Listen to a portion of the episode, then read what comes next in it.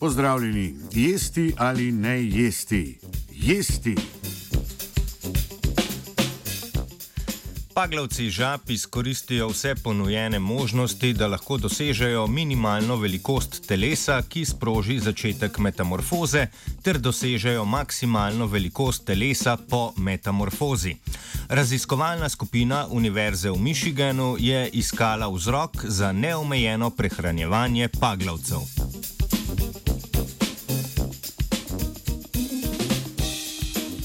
Večina paglavcev se prehranjuje s planktonom, rastlinsko hrano in odmrlimi organskimi delci. V začetnih razvojnih fazah veljajo za izredno požrešne.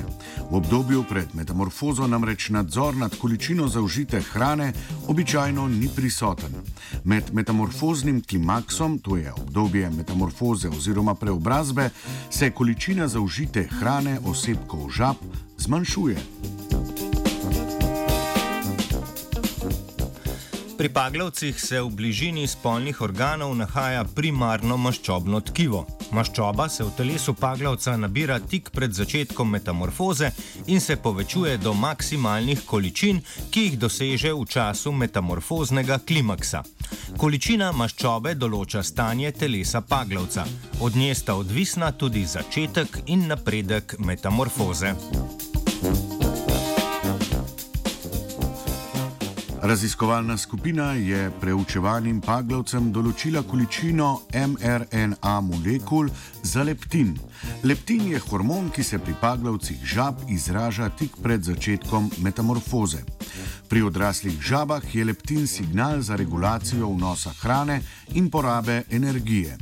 Prisoten je tudi pri sesalcih, kjer vpliva na centre za nadzor vnosa hrane in poveča presnovo. Analize RNA molekul so pokazale, da mRNA za leptin ni prisotna niti v oocitah, niti v embrijih žab. Pojavijo se šele v kasnejših fazah razvoja paglavca, največji porast molekul mRNA za leptin pa so zasledili tik pred začetkom metamorfoze, ko je prišlo tudi do porasta količine maščobnih telesc. Pri osebkih, ki pred metamorfozo nisi, niso imeli na voljo velikih količin hrane, se je količina molekul mRNA za leptin zmanjšala.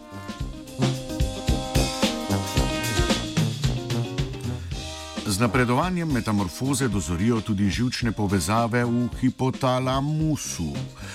Ta razvoj bi lahko bil povezan z naraščajočimi koncentracijami leptina, saj ta hormon v predmetamorfnih možganih paglavcev sproži celične delitve. Poleg mRNA za leptin se v času metamorfoze poveča tudi prepisovanje drugih genov, ki so vključeni v nadzor hranjenja in presnovo. To kaže na to, da je faza metamorfoze v razvojnem krogu žab ključnega pomena za dozorevanje centrov za nadzor hranjenja v hipotalamusu.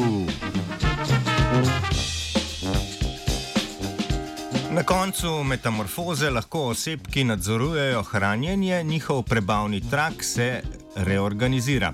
Črevesje se skrajša, oblikuje se epitelij, ki je bolj prilagojen na mesojedi način prehranjevanja.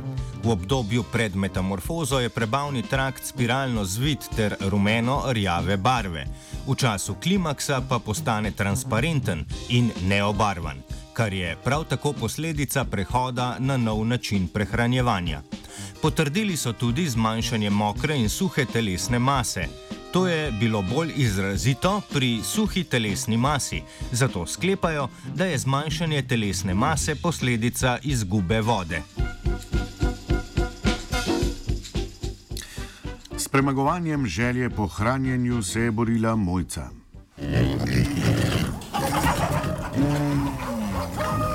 Kaj te to je zdaj naštala? Prosim lepo, kaj te to je zdaj naštala? Povej mi, prosim te, kaj je to zdaj naštala? Franček, to ne je štala. Kaj pa te je, kaj pa te je? To je radio študent. A se se mi je zdelo, da imajo spet mulci kurce vmes.